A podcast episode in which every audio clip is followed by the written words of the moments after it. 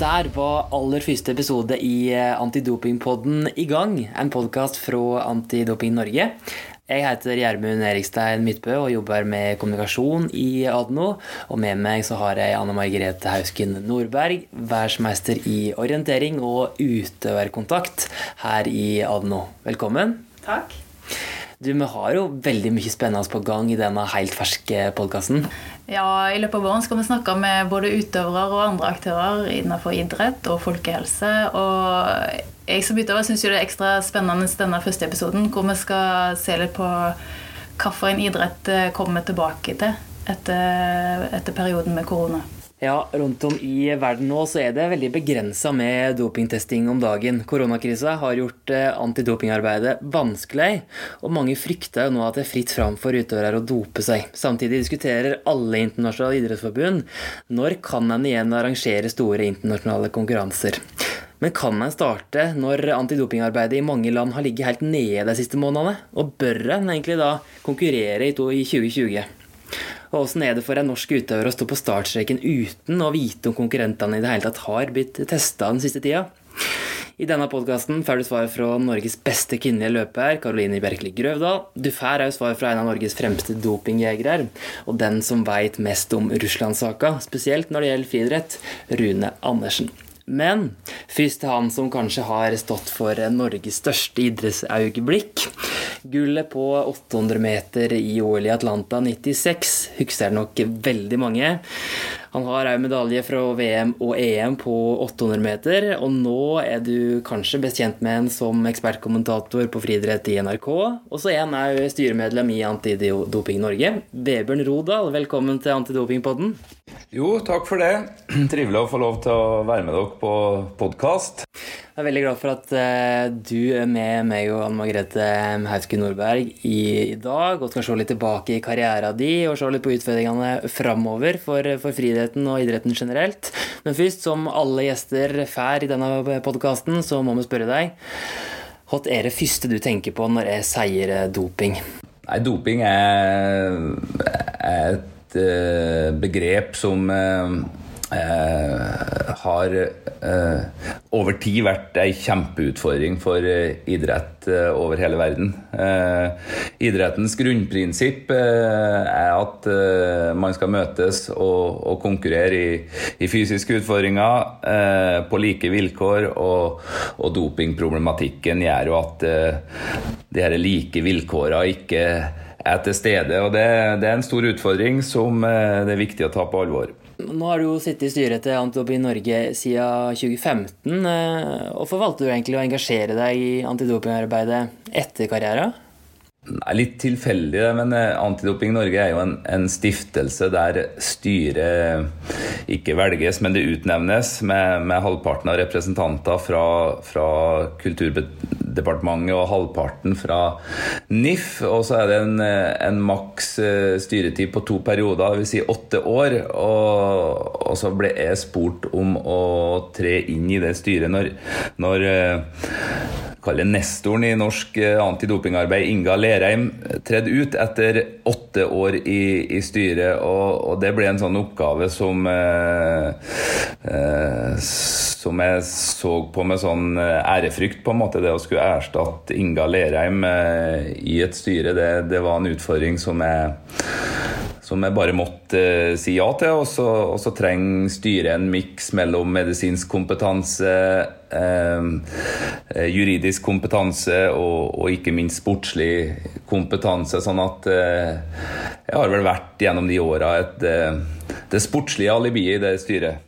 Ja, Der har du vel en del å komme med? Ja, jeg har i hvert fall hatt klare tanker om det her over tid og uh, kjenner friidretten godt, som, som, er en av de idrettene, dessverre en av mange idretter, men en av de idrettene som virkelig har lidd under dopingproblematikk. Det må vi kunne si. Ja, det må vi, og det skal vi jo snakke litt uh, mer om uh, nå. For, for Episodetemaet i dag er jo åssen idretten vi kommer tilbake til nå da, etter denne koronakrisa. Jeg sitter jo med en utøver her sjøl som kribler i, i beina til å springe igjen, Anne Margrethe. Ja, det, det, her blir en veldig spesiell sesong. Vi får se om man, om man kommer i gang etter hvert, og hvordan det blir. Men uh, det meste internasjonalt er jo allerede flytta til neste år. Det er jo det. Og så veit vi jo at det er veldig begrensa med dopingtesting rundt om i verden.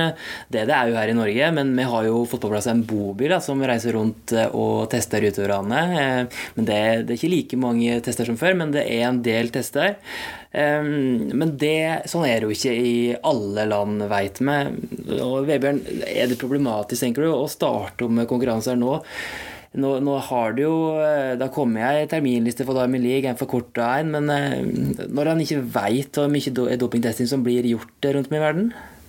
Ja, altså, først da, så må jeg si at jeg, jeg var veldig opptatt av at vi valgte å opprettholde i hvert fall et visst nivå på testing også gjennom eh, koronaperioden, fordi at eh, Norge har hatt en unik situasjon internasjonalt i forhold til å få lov til å være en, en pådriver i antidopingarbeidet. Eh, og, og, den posisjonen må vi klare å opprettholde. og Da må vi vise at vi er eh, ikke handlingslamma i denne eh, koronaperioden også. Så har vi hatt en, eh, en par uheldige episoder, f.eks. Eh, en par episoder i langrennssporten som internasjonalt har, har blitt eh, eh, ja, satt den tilliten til, til norsk antidoping eh, i litt dårlige lys. Derfor så mener jeg at det er ekstra viktig eh, at vi viser at vi er handlekraftige i den situasjonen her. og det,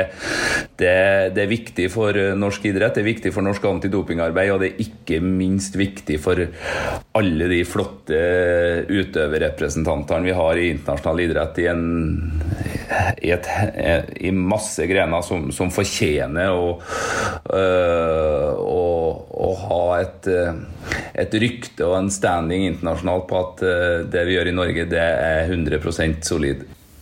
Mm. Men så er det jo ikke slik i, i resten av verden nødvendigvis? Nei, og, og, det er selvfølgelig en utfordring, men, men uh, nå skal ikke vi være naive og tro at det har vært i orden før heller. Vi har hatt store utfordringer i, i mange idretter med å ha et velfungerende antidopingarbeid uh, også før koronaperioden. Så vi har utfordringer i mange land i forhold til å ivareta antidopingarbeidet. Og, uh, og det er naturlig nok svekka i, i, i mange land, men i mange land og kanskje i en del av de landene, en del av de områdene og i en del av de miljøene der eh, doping har vært problematisk eh, eh, før koronaperioden, så, så, er kanskje ikke forskjellen så veldig stor, faktisk. Dessverre. Altså det gjør Tenker du at det er, det er innafor å starte med konkurranser likevel i, i høst? Vi har eh, ikke 100 eh, kontroll internasjonalt. Eh, og Det er ikke sikkert at vi får noen gang, men, men jeg mener at vi må komme i gang igjen med, med konkurranser. Selv om noen få rundt omkring kanskje har utnytta koronaperioden til å til å bruke ulovlige substanser og, og benytte den, eh, den, reduserte eh, testinga til å, til å skaffe seg fortrinn, så, så, tror jeg bare vi må komme i gang med, med idrett igjen. Ja, mens eh, vi tar dette opptaket nå, så har jo akkurat kommet en en forkorta Diamond League-terminliste, som jeg var inne på. Uh, Bislett Games er jo en del av det, som, som Impossible Games, som det heter nå. Uh, men det skal jo da se ut som da, at det blir fire stevner igjen i stor skala fra, fra august til september. Uh, og syns du om det? Er, det? er det utfordringer rundt det? Jeg er litt usikker på om det blir fullskala stevner rundt omkring. Jeg føler ikke meg så sikker på det. Det blir nok gjort Eh, betydelige tilpasninger. Hvis ikke situasjonen endrer seg radikalt raskt, så blir det nok stevner som, eh, som ikke oppleves som fullverdige Diamond League-stevner. Men, eh, men, jeg håper at vi kommer i gang med nå også på, på friidretten. Vi har ei utfordring selvfølgelig i forhold til at man ikke har like god kontroll som ellers på, på antidopingarbeidet. Og så er det en kanskje like stor utfordring at i en del miljø så er det vanskelig å få trent sånn som man eh, ønsker å trene. Sånn at man eh, opplever at uh, utøvere ikke får forberedt seg optimalt på de konkurransene som etter hvert kommer i gang igjen. Ja, for der er det en del forskjeller fra land til land det året siste tida. Ja, Der tror jeg det er store forskjeller. Jeg tror vi har Um, vi har stater og land der, um, der uh, koronatiltak nesten for en idrettsutøver, i hvert fall toppidrettsutøver, ikke merkes i hele tatt. Og så har vi, har vi land uh, der uh, lockdown er bortimot fullstendig, sånn at tilgangen på treningsfasiliteter er svært begrensa. Så det, er store variasjoner, tror jeg. Ja, det er jo helt sikkert at det. Og um Uh, idrettsspesifikke variasjoner. For oss som er vant til å løpe i skogen, er det jo egentlig ingen begrensninger på hva vi får trent. Uh, NO-løper får trent som normalt, men, men, restriksjonene på antall personer og reisevirksomhet gjør at vi ikke får konkurrert. Så det, det slår ut veldig forskjellig, og, og selvfølgelig jo innad i friidretten, som er så sammensatt med mange forskjellige øvelser. Mm. Så det, mm, det, merkes eh, veldig forskjellig for ulike utøvere denne perioden her. Mm. Du tenker ikke at en trenger en periode på, på et halvt år, eh, fire-fem måneder, der en veit at antidopingarbeidet har vært oppe i, alle land, for å kunne starte med internasjonale stevner igjen? Nei, for, for, da tenker jeg at da forutsetter du at eh, før koronaperioden så var ting i orden i alle land og i alle miljø og, og, og jevnt over uh, på stell. Men, men, det tror jeg faktisk er naivt å tro at, at det er sånn. så derfor så, så, tror jeg at vi må, vi må, komme i gang igjen. Og så må antidopingarbeidet selvfølgelig komme i gang og, og, utvikles og kanskje bli bedre enn noen gang. Men, men at antidopingarbeidet har vært fullstendig og, 100% gjennomført overalt. Det har ikke vært før heller. Nei, Margrethe, Du hadde jo et eh, poeng her før vi starta i dag som du gjerne ville spørre Vebjørn om når du sitter hjemme og ser på Diamond-ligestevner. Hva er det du tenker på da? Ja, En ting er man sitter hjemme, men jeg, har jo vært og sett noen live òg. For det meste av Bislett, men, eh, men nå i Zürich har jeg vært på denne veltklassen. Og det slår meg noen ganger, spesielt når man ser det live, da, hvor eh, latterlig fort det løpes. man, får jo, man, får det ekstra sterkt på når man ser det live. Og hender det at du, du noen ganger kjenner Vebjørn at eh, ja, den her prestasjonen, det her løpet, det, det er nesten litt for bra. ikke sant?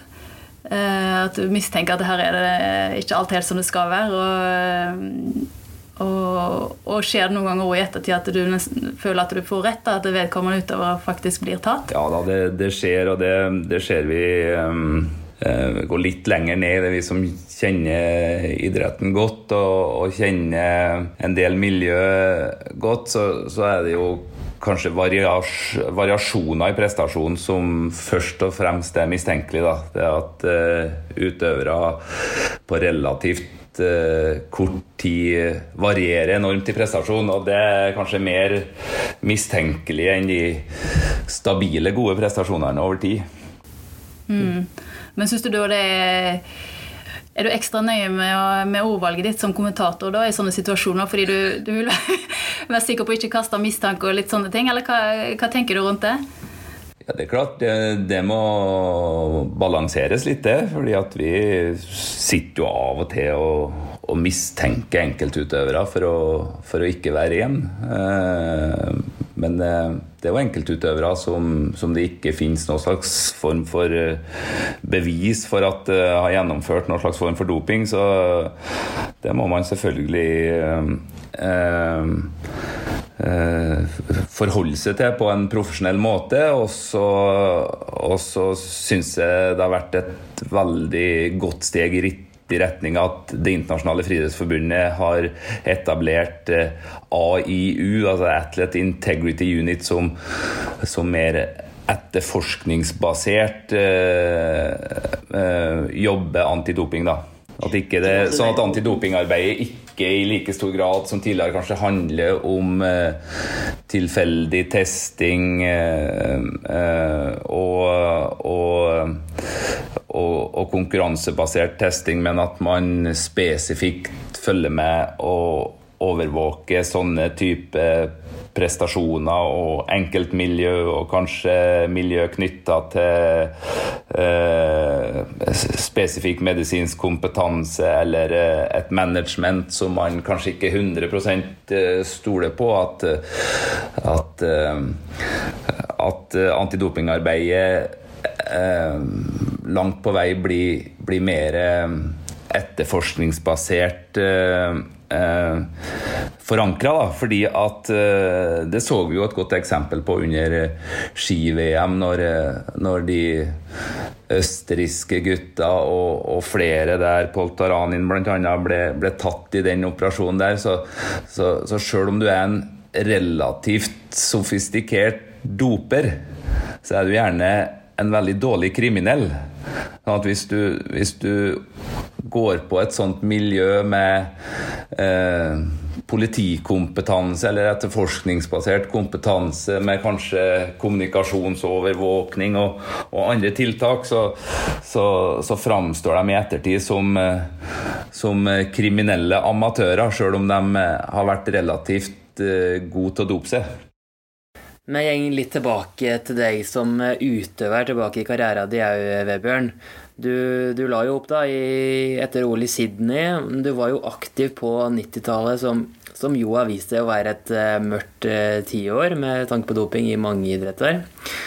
Hvordan, uh, når du ser tilbake på, på det nå, åssen refleksjoner gjør du deg? Nei, Det er jo nå i ettertid jeg har reflektert mest over det. Jeg var ikke så veldig bevisst på det der mens jeg var aktiv. Da hadde jeg mer enn nok med meg sjøl eh, og valgte å ha eh, det meste av fokus på meg sjøl og min egen prestasjon. Men det er klart at vi så jo tenker kanskje ikke mest på 800 meter, som blir kanskje en sånn liten mellomting mellom eh, kraft og eksplosivitet og den rene kondisjonsbaserte, eh, kapasitetsbaserte dopingen, så, så, har kanskje ikke min øvelse vært den mest utsatte sånn historisk, selv om det også har vært eh, mye doping der. Men vi, vi så jo eh, utover 90-tallet at det sannsynligvis gikk fra organisk bloddoping og over på kjemisk bloddoping som, som, ga en bredde og et toppnivå nærmest over natta. Da. Fra 95 til 96 på, så så vi jo resultater på 3000, 3000 inder, 5000, 10 000 som, som eh, Ja. Det, det lukta ikke bare svidd, de lukta stygt, av de resultatene. Sånn at um, da skjedde det noe, og så skjedde det nok uh, i, en, i, et helt annet volum enn det som har vært tidligere. Uh, plutselig så, så, kunne det gå en 1500 meter, og det var utøvere som som, uh, som sprang på, på lavt 3.31, som ikke var topp 10 engang. Så det, det, det var voldsomt en periode der. Altså når du, når du som kommentator da, ser tilbake i resultat, resultatlister, som du sikkert gjør en del i, for, i forebyggingsfasen, og, og, tenker du om, om er navnene som står der da? ja, det, det, er jo litt vanskelig det der, da, for det er jo utøvere som eh, ikke har blitt tatt på de listene, og det er utøvere som er, som er ikke kjent godt, men i hvert fall som er kjent litt, og som, som både er blid og trivelig og hyggelig, og det er ikke, det er ikke selv om du, du eh, er en doper i idretten, så er ikke dermed sagt at du er eh, usympatisk i en, i en personlig relasjon. Sånn at eh, det er litt vanskelig. Det, det er det, altså. Det er litt ubehagelig òg, faktisk. Mm. Og du skilte jo deg ut som, som hvit mann i verdenstoppen òg, på, på, en sånn distanse. Kjente du på mistanke og, og rykter og, som gikk? Nei, Jeg kan ikke si det, at jeg spesifikt har opplevd at uh, folk noen ganger har mistenkt meg for å, for å ha dopa meg. Det, det, kan jeg ikke si at jeg har opplevd. Men så er det vel kanskje sånn at hvis noen har hatt noen mistanker om det, så er det ikke med de kommer til å, å diskutere det. Men, uh, men, jeg har i hvert fall hatt uh, en åpenhetsfilosofi hele veien. Jeg har alltid delt treninga mi. Jeg har invitert hvem som helst til å både se hva jeg har trent, og, og gjerne bli med og trene. Og, Uh, uh, og den åpenheten og det at uh, ting rundt meg har vært transparent hele veien, har i hvert fall vært et lite bidrag. Altså det antidopingarbeidet som var på den tida på 90-tallet Du konkurrerte jo før WADA ble oppretta. Hvordan kan du sammenligne med, med, det som var, var da, og hvordan, hvordan det er nå i 2020? Nei, Det er nok uh, målretta på en helt annen måte. Det er bedre strukturert. Uh, vi har uh, nådd ut i, i flere perifere regioner ikke sant? og får testa i geografiske områder som, som bortimot var, var freda tidligere. Men så ser vi jo likevel at nå som den gangen så, så kommer antidopingarbeidet ofte litt uh, på etterskudd. De, de, som vil uh, dope seg, har av en eller annen grunn ganske sterk medisinsk kompetanse å støtte seg på, i hvert fall i enkelte miljø. Og, og det er lett at antidopingarbeidet havner litt på etterskudd. At doperne faktisk er litt i forkant av antidopingarbeidet. og Det har jo litt med dokumentasjon og bevisførsel og, og, og det å klare å, å, fange opp alt på en sånn måte at eh, det er mulig å ikke bare ha en mistanke, men faktisk kunne, kunne kjøre en sak mot en, mot en doper også. Så, eh, men vi har kommet veldig mye lenger, da, heldigvis.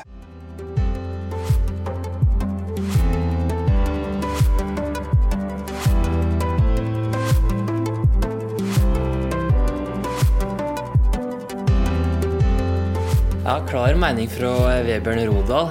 Nå skal vi over fra en som dominerte på friidrettsbanen, til en som har gjort det samme utafor banen i antidopingarbeidet.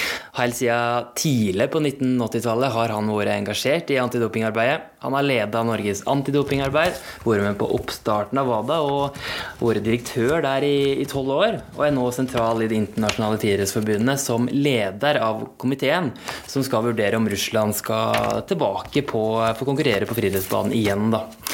Spesialrådgiver i Antidoping Norge, Rune Andersen, velkommen til Antidopingpodden. Takk skal du ha.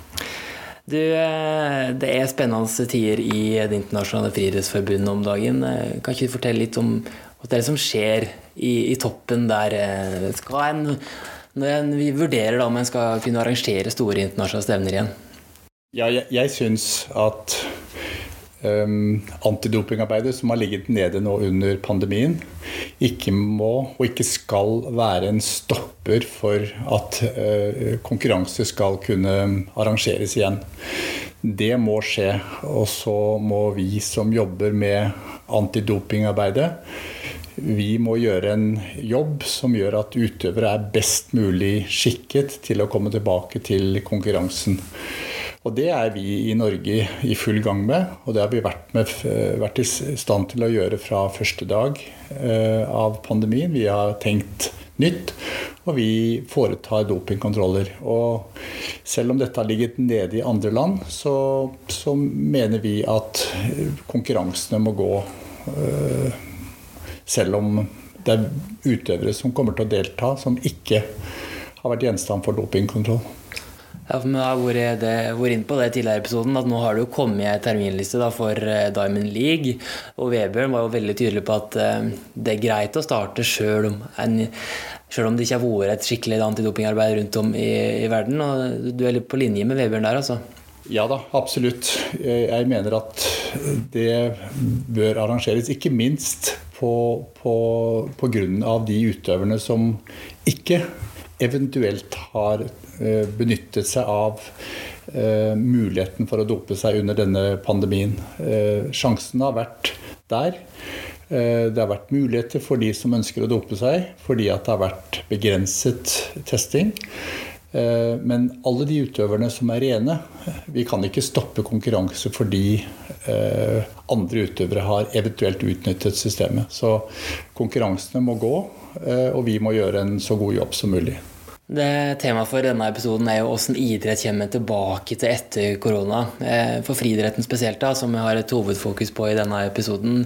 Tror du det idretten, toppidretten blir, kan bli forandra av denne pandemien? Jeg tror egentlig ikke det. Jeg tror man kommer raskt tilbake til det som var situasjonen før pandemien. Man hadde en liten brems Eh, og vi har fortsatt en brems i antidopingarbeidet. Men eh, jeg tror, eh, og dette har skjedd innenfor friidretten, dette skjer innenfor det arbeidet som friidretten gjør gjennom sitt antidopingapparat, AIU. Der har man sagt at man kjører for full maskin etter at man åpner opp nå etter hvert i, i ulike land. Eh, slik at konkurransene blir eh, det de var. Spørsmålet er var de rene i utgangspunktet. Eh, og der vet vi jo at det har vært mye å si om internasjonal friidrett de siste årene. Men vi må bare jobbe hardt innenfor antidoping for å få det opp og gå igjen. Dette er jo en mulighet for, for at utøvere kan dope seg uten å bli testa over en så lang periode. Er du bekymra over det? Ja, det er jeg klart. Bekymret over at man har hatt et dopingarbeid som har ligget nede under pandemien. Det er det ikke noe tvil om. Det er rapportert fra ja, fra mange antidopingorganisasjoner i, i, hele verden at arbeidet har ligget brakk. Um, kanskje den eneste antidopingorganisasjonen som har klart å holde hjula i gang, er faktisk Norge. Uh, og det er blitt internasjonalt anerkjent også, så jeg syns at det er gjort en veldig god jobb her i Norge på dette. Men um, vi, vi, vi, kan ikke, vi kan ikke stoppe konkurranser av den grunn. Vi må bare fortsette. Og vi må arrangere konkurranser, og vi må gjøre en, en, en jobb. Men hva kan du si til utøverne da, da som, som, ivrer jo veldig til å komme tilbake på, på tartandekket igjen, men samtidig kanskje kjenner på en ekstra frykt da, for det at de veit at det ikke er, har blitt gjort ordentlig doping, antidopingarbeid rundt om i, i landene som de konkurrerer mot? Jeg tror dessverre at utøvere er vant til å kjenne på den frykten. Ja. Spesielt innenfor en idrett som friidrett. Kanskje ski, vektløfting og, og, noen andre idretter hvor utøvere som vet at de aldri har jukset, må leve med den frykten, den mistenksomheten overfor konkurrentene som de tror eller mistenker er, er dopet. Det kan jo bli noe forsterket nå, i, og med at vi har denne pandemien. Men jeg tror at utøvere de, de, adapterer til den situasjonen. Og, og, de kommer til å gjøre sitt beste i konkurransen uansett. Og så igjen så må vi bare gjøre en bedre jobb enn det vi har gjort til nå, når dette forhåpentligvis er over en dag. Ja, Vi skal høre fra ei av deg eh, litt etterpå, Karoline Berkeli Grøvdal, som vi hører at hun sier. Men eh, vi må jo snakke litt om Russland, Rune, for der er du veldig involvert. Eh, vi vet at det skal opp ei sak i KASS etter hvert, det er vel eh, nå i juli. Det kan jo være vanskelig å henge med i en, en sånn kompleks sak som som Russland og doping og friidretten eh, er der. Det har foregått lenge. Kan ikke du fortelle litt om ståa akkurat nå, nå der? Jo, veldig kort så har dette vært en sak som har pågått siden Sotsji-OL i 2014. Det har vært ulike utredninger fra WADAs side. Kommisjoner som har sett på både friidrett, men også på eh, store mengder data fra eh, det russiske antidopinglaboratoriet. Um, og det som har skjedd, eller det som skjedde på slutten av fjoråret, var at WADA eh, besluttet å utestenge russerne for fire år. Alle konkurranser i store mesterskap som skulle mm, stoppes. Eh, man fikk ikke lov til å arrangere konkurranser i Russland i de neste fire årene. Denne avgjørelsen er anket inn for den internasjonale voldgiftsdomstolen innenfor idretten, CAS. Eh, og den Eh, skal behandles nå etter sigende, hvis alt går som planlagt, i begynnelsen av juli. Så får vi nok en kjennelse kanskje i august-september. Eh, hvor da denne KAS-domstolen kommer til å fortelle verden hva som er resultatet av den høringen. Og så får vi ta det derifra. Så da får man endelig en beslutning på om Russland får komme tilbake eller ikke? Eller om du må være ute i fire år til fra friidretten? Ja, ikke bare friidrett, men alle idretter, faktisk. Eh, denne, denne, beslutningen blir for alle idretter, inklusive friidrett.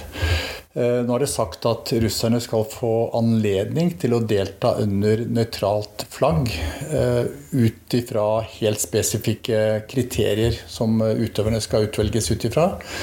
Eh, men det kommer til å gjelde alle idretter og alle konkurranse, internasjonale konkurranser i, i, Russland. Så det er ganske alvorlig for Russland, dette. Det, jo, det, skjer andre ting òg, parallelt med denne Kass-saka. Det, det, er en liste som har blitt sendt over til mange internasjonale særforbund over utøvere over, over saker som, som, som, de jobber med akkurat nå. Fortell om det. Ja, da WADA fikk tilgang til uh, det russiske dopinglaboratoriets database, så gikk de gjennom uh, det materialet og har funnet ut til nå at det er ca. 300 utøvere som har eh, unormale dopingprøver, dopinganalyser, som sannsynligvis, eller kanskje, er manipulert med.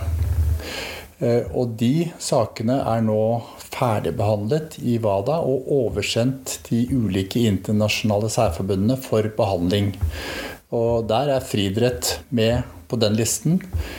Eh, og andre idretter. Vi hørte forleden av at Fifa kommer til å få sine, eh, sitt datamateriale over i slutten av mai. Eh, og da er det opp til de internasjonale særforbundene å behandle disse sakene, etterforske dem videre og eventuelt påtale disse innenfor deres eget rettsapparat. Så vi har ikke sett slutten på, på Russland-saka akkurat? Nei, dessverre så har vi nok ikke det. Um, dessverre, og heldigvis egentlig, fordi det er viktig å komme til bunns i alt som har skjedd. Det er viktig å ta et oppgjør med det, og det er viktig at også russerne tar et oppgjør med dette innenfor uh, de ulike instansene i Russland. Det gjelder det russiske antidopingbyrået det gjelder um, Russisk olympisk komité, som i mange tilfeller har fornektet at ting har skjedd. Uh, nå tror vi vel aldri at de kommer til å legge alle kort på bordet, uh, for det ligger ikke i det, det, ligger ikke i deres måte å jobbe på at man legger alle kort på bordet. Så vi håper jo å komme til bunns i dette innenfor russisk friidrett også, som jeg jobber spesielt med. Hvordan kan norske utøvere og ja, norske idrettsinteresserte hvordan skal de forholde seg til, til russiske utøvere nå framover, tenker du? Jeg tror at de skal eh, behandle og forholde seg til russiske utøvere som man har gjort tidligere. Man må og skal forutsette at enhver utøver er Eh, ren eh, inntil det motsatte er bevist. Det er vanlige rettsprinsipper som må gjelde. Eh, og man kan ikke slå alle over én kam. Så man må ta utgangspunkt i at de utøvere man konkurrerer med, er som alle andre utøvere fra alle andre land. Konkurrere og, og gjøre sitt beste. Og så får vi som jobber med dette her, gjøre det vi kan for å avsløre de som har svin på skogen. Hei til slutt, eh, Rune. Du som har jobba tett på friidretten nå i en god periode, og høyt opp i WADA. Hvordan, eh, hva vil du si om, eh, om doping i friidretten nå? Hvordan, er det nå kontra kanskje 90-tallet? Nei, 90-tallet tror jeg det var relativt fritt frem for veldig mange. Vi vet også at internasjonal uh, friidrett um, har vært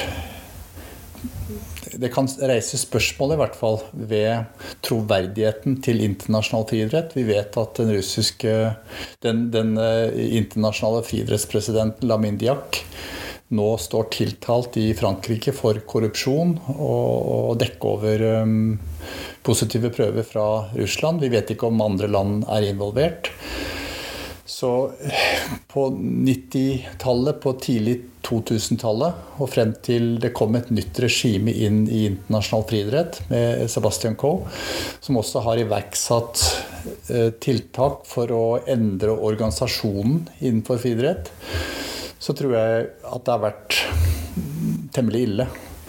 Nå har de fått en uavhengig antidopingorganisasjon på plass, eh, Athletics Integrity Unit som er veldig flinke, som er veldig dyktige, grundige i den jobben de gjør.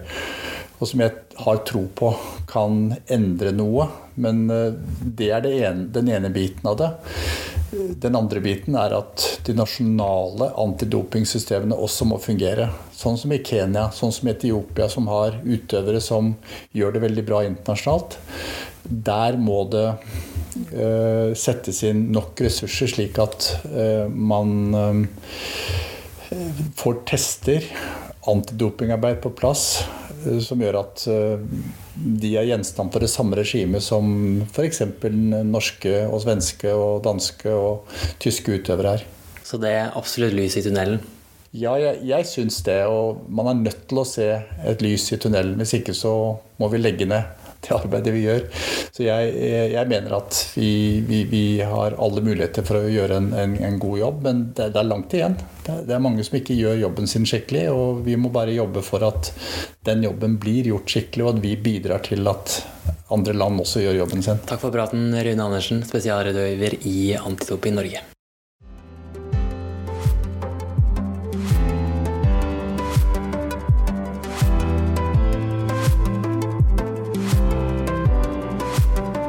Så til deg som kanskje er mest utålmodig akkurat nå, nemlig de aktive.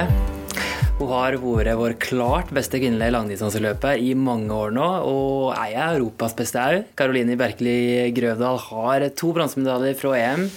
Flere medaljer på rad fra EM terrengløp, bl.a. sølv. Og ikke minst en sterk sjuendeplass på 5000 meter fra OL i Rio. Velkommen til Antidopingpodden, Karoline. Tusen takk. Du, eh, det er spesiell tid å være utøver på. Åssen eh, er det om dagen for deg? Eh, jo, det er veldig rare tider. Eh, nå har det jo pågått ei stund, så han begynner liksom å komme litt inn i at ting ikke gikk som det skulle gå denne sesongen her. Eh, men først og fremst er det kjedelig for, for oss idrettsutøvere òg. Eh, jeg får jo trent det jeg skal, og bra treningsforhold i Oslo har vært i hele, i hele vår. Men eh, klart det der ikke å ha planer og ikke vite hva, hva det neste er, da, eh, når du skal være i form, det er litt uvant for min del. Hvor mye kribler det etter å, å, stå på startstreken nå? Jo, jeg kjenner jo det at det, at det kribler. Eh, også litt det der når en skal planlegge trening og, og, være i form og liksom ha en dato du skal sikte deg inn på. Det, det, er litt uvant å ikke ha. Eh, så, ja, så det er liksom å bare bruke den perioden her og trene bra, og så forhåpentligvis så får de brukt, eh, brukt en mulighet til å løpe et løp, om det bare her i Norge. Mm. Nå blir det iallfall et slags Bislett Games, da, Impossible Games, som er nå veldig snart. Så der får du iallfall en, en første test. Eh, syns du om at du har fått på plass det stevnet? Jo, det syns jeg er veldig kult. Eh, når Steinar ringte meg og kom med den ideen, så, så, var det jo veldig tidlig der. Det var rundt påske. Eh, og da var jeg litt sånn eh, Ja, jeg trodde ikke helt på det. Det der får du ikke til. Det der får man helt sikkert ikke lov til. Og, og sånn.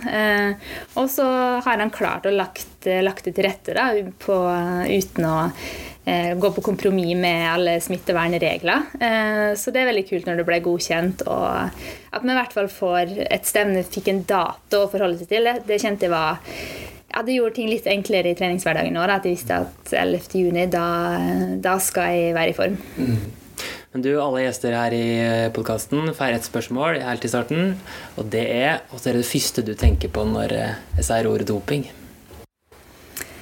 Oh, jeg syns det er veldig vanskelig å si hva jeg tenker på da. Um, uh, jeg tror jeg tenker på EPO, testosteron, altså type doping. Uh, jeg vet ikke hvorfor jeg tenker det. Um, så jeg tror kanskje det er det jeg tenker på når jeg hører det. Mm. Det er den mest kjente Ja, det du liksom alltid har hørt når det er skandaler og Eh, når det gjelder doping, da, så er det liksom det en hører iallfall i utholdenhet som regel. Mm. Så jeg tror kanskje det er det jeg tenker på. Nå har det jo kommet, det har kommet liksom planer fra Diamond League-arrangøren at det skal kanskje bli stevner nå eh, etter sommeren, i august. Det er vel første Monaco. 14. august det er vel første som står på planen nå. da. Eh, og tenker du om at disse stevnene nå står på planen, men så veit vi at det ikke blir gjennomført ordentlig eh, dopingtesting rundt om i verden. I mange land blir det ikke testa i det hele tatt. Her i Norge blir det jo, jo testa. Kanskje et av landene som tester eh, er det landet som tester mest. Hva tenker du om å, å, være i gang igjen uten at antidopingarbeidet er oppe og går? Um, nei, altså Denne sesongen her vil jo bli uh, unormal uansett. Uh, om det så blir de Diamond League-stevnene som er planlagt nå fra august til oktober, uh, så vil det jo ikke være poeng, poengdeling eller eh, ja, Diamond League-rammene vil jo ikke være der eh, uansett. Så jeg tenker at blir det konkurranser i år, så er det liksom det viktigste å få i gang. Eh, få i gang det som er mulig. Uh, Ut ifra uh, det som er forsvarlig. Da. Mm. Uh, og så er det selvfølgelig det er jo et problem som ligger i bakgrunnen, det med testing. Men med tanke på at neste år OL, så er det i hvert fall viktigere at den testinga har kommet i gang og har fungert en god stund. Da skal det tross alt deles ut medalje. Så hvis det hadde vært et OL der som ikke er blitt avlyst ennå, så hadde det kanskje vært litt mer problematisk enn et par Diamond League-stevner? Ja, det, det, vil jeg tro. Eh, Diamond er jo ikke så viktig, og i hvert fall ikke i år, når de ikke har Diamond League-potten og den totale sammenlagt-biten. da. Eh, så, så, med tanke på neste år, så tror jeg det er liksom enda viktigere. da. Mm. Mm. Skulle ikke ønske det at det hadde vært tre måneder, f.eks., der vi visste at nå er antidopingarbeidet oppe og går her i verden før han har starta med store stevner? Jo, i en ideell verden så selvfølgelig det hadde det vært eh, det aller beste. Eh, men det er litt sånn som spesielt den tida her, og kanskje i hele år, da, så tror jeg det blir veldig vanskelig å få til hvis en først skal eh, begynne med testing fra august, og så må du gjøre det i tre måneder, og da er det plutselig bikka nytt år, og da er det ikke sesong lenger, og da er det gått over til OL-forberedelser. Så jeg tror på en måte hvis en skal få løpt noen konkurranser i år, så må det bli på en måte litt halvveis, egentlig, med alt. Mm. Eh, og litt det å begynne konkurransene og, og kjøre, så vil testinga òg bli mer og mer av. Så jeg tror det på en måte er litt sånn samkjør med å åpne opp konkurranseverden, samtidig som du begynner mer og mer med testing. da. Vebjørn Rodal var inne på det tidligere i podkasten her at vi veit at det ikke er 100% dette antidopingarbeidet uansett, så en må bare komme i gang. Er det sånn du føler på det Du er jo at du, du veit at du konkurrerer mot uh, konkurrenter som jukser uansett? Ja, det, det, er dessverre litt sånn at, uh, at mange konkurrerer mot uh, om ikke jeg veit det, så er det liksom Jeg er ganske sikker på det, at ganske mange av dem driver med juks. Men det blir på en måte en litt sånn Friidrett er så stort, det er så mange konkurrenter. Eh, det blir veldig personlig når jeg konkurrerer. Eh, jeg springer for en personlig rekord eller for en norsk rekord. Eh, og så fokuserer jeg liksom veldig på det. Og, ja, og ikke sånn Jeg kan bli nummer ti i Diamond League, men har tatt norsk rekord og er liksom fornøyd med det. Og så tenker jeg ikke så mye på at ja, det er første eller den som vant, eh, er mest sannsynlig dopa, for det der er umenneskelig å få til. Så det blir litt sånn at han veit at sporten ikke er rein, eh, men så prøver jeg liksom å ikke bruke så mye energi på det, rett og slett. da. Du klarer det? Ja, det er kanskje litt rart for andre å tenke at en ikke bruker mer energi på det. Eh, men det har kanskje vært litt sånn at det alltid har vært der, eller det har alltid vært et problem. Og så er det litt sånn Det er litt sånn mekanisme kanskje han har sjøl som utøver. òg, at skal jeg utvikle meg og bli god, så altså han, sånn, han, tenker egentlig bare på seg sjøl og det, det, jeg skal gjøre. Da, det jeg skal gjøre for å få til å nå det målet mitt. Så da lukker du litt sånn ute ellers. Um, og så er det selvfølgelig mesterskap, EM, VM, OL litt annerledes da, når det er medalje som skal deles ut. Tror du du kommer til å tenke på det mer etter karrieren, når du summerer opp, du ser på resultatlister, du ser på deg som ligger over deg på, på de plassene der, at der skulle du egentlig hatt en medalje, kanskje? Ja, jeg tror egentlig det, og det har jeg hørt andre sagt til meg. At det er sånn, det er sånn han kanskje tenker på litt i ettertid. og eh, Det er jo mange som sier sånn Bare vent fem år, så får du nok, får du nok en bronsemedalje i posten der. Eh, fra OL eller et eller annet. Eh, og det sånn, det kan være, men det er sånn, du tenker ikke på det som utøver. da. Eh, når jeg ble nummer sju på 5000 i Rio, så, så er jeg kjempeglad for den sjuendeplassen. Eh, selv om andre kan si at ja, du kunne jo nesten tatt medalje, for den, den var ikke rein. Eh, så blir det bare en sånn at du er veldig fornøyd med det, da, og så tenker du ikke så mye mer over det. For du er litt vant til at du får ikke gjort noe med de andre, du må bare fokusere på det sjøl.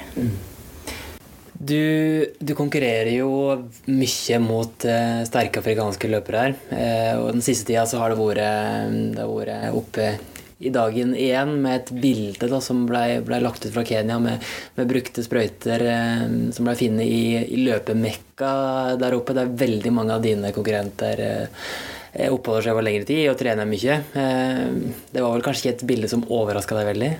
Nei, det, det bildet overraska meg ikke. Jeg har hørt mange historier fra Kenya med lignende ting. Hva tenker du om det, da? Det er jo trist at, uh, at en finner sånne ting. Uh, samtidig som det kanskje er bra òg at det kommer litt opp i lyset. For uh, mange vet jo at det eksisterer et dopingproblem i Kenya. Og når det er så tydelig at sprøytene ligger og slenger rundt treningsbanen, så, så, er det jo et stort problem og et synlig problem. og med at på en måte media får fokus på det nå, så vil det jo bli enda mer synlighet for hva de driver med der, eh, der oppe. Da. Så, så, på en måte er det jo bra at, eh, at, det kommer ut, men det viser jo at det, det er et stort problem. Mm. Det er vanskelig å, å stole på deg? Ja, det, det vil jeg si. Det er det absolutt. Tilbake litt til det åssen idretten blir da, etter en lang periode. Mm, stopp i idretten nå, da, med ingen eh, arrangement, ingen stevner. Og en skal komme tilbake etter en så lang periode uten. Tror du eh, friidretten, eh, din idrett, blir påvirka av denne stoppen? Det er vanskelig, vanskelig, å si. Jeg tror på en måte at de som har dopa seg før korona, skulle si, i hvert fall kanskje har gjort det nå. Det har jo vært en fin mulighet for det. Eh, men samtidig så Ja, det er liksom som sagt ikke noe jeg tenker sånn at nå er det verre enn det har vært før. Eh, jeg stoler jo på arbeidet som blir gjort, og at de som blir eh, de som doper seg, blir tatt. Da. Det er litt sånn det, det, det, forholdet du må ha til det. Men så er jeg jo fullt klar over at det, det er jo et minst like stort problem nå. Mm. Men det er kanskje et aspekt det at å komme i gang med konkurranser òg kommer til å gjøre godt for antidopingarbeidet? Absolutt. Jeg tror det, det er liksom alfa og omega. Skal, de, skal antidopingarbeidet begynne å, å, fungere som normalt, så må jo idretten òg fungere som normalt. Uh, og så jeg tror det er litt sånn, det må startes litt opp samtidig, egentlig. Mm. Og da, for din del, så starter jo det opp da med Bislett, Impossible Games, og der skal du springe 3000 meter. Du får ikke noen konkurrenter da, pga. disse smittevernhensynene. Åssen blir det å springe, springe på Bislett da? Nei, Det blir jo litt rart. Det føles jo litt sånn eh, at du skal ut og lage et lite show alene på vann der. Men eh, Uh, ja, først og fremst så, så, er det jo kult å få en dato der jeg vet at jeg skal løpe. Uh, så skal jeg løpe alene uten publikum. Men jeg skal da benytte meg av et sånn laserlys uh, som jeg aldri har testa ut før. Men det var litt en idé og Steinar kom fram til. Jeg så det på den Breaking 2, den maratonløpet i høst. Mm. At de hadde et sånn lys på den bilen som var liksom to timers grensa. Eh, og at da har han skulle liksom før den. Så tenkte jeg at det, hvis vi først skal løpe alene på Bislett, så hadde det vært gøy om eh, gøy om jeg iallfall sikta min på Grete sin rekord. Det har liksom alltid vært et mål, og det var målet den sesongen her i utgangspunktet. da. Så hvorfor forandre målet sjøl om ting er annerledes? Eh, så da tenkte jeg først at det var en motorsykkel eller et eller annet, så kunne ha en laser da, på hvor, hvor den rekorden til Grete, eller hvilken fart det var.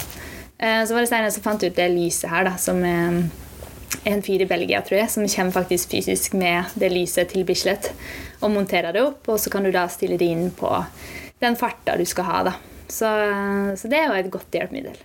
Masse lykke til uansett, Karoline. Så håper vi på eh, norsk rekord, og at du kommer deg ut i verden for å springe enda fortere etter hvert. Tusen takk. Da takker vi for at Karoline Bjerkeli Grøvdal var med i Antidopingpodden. Du finner flere episoder av Antidopingpodden der du hører podkast, på gjensyn.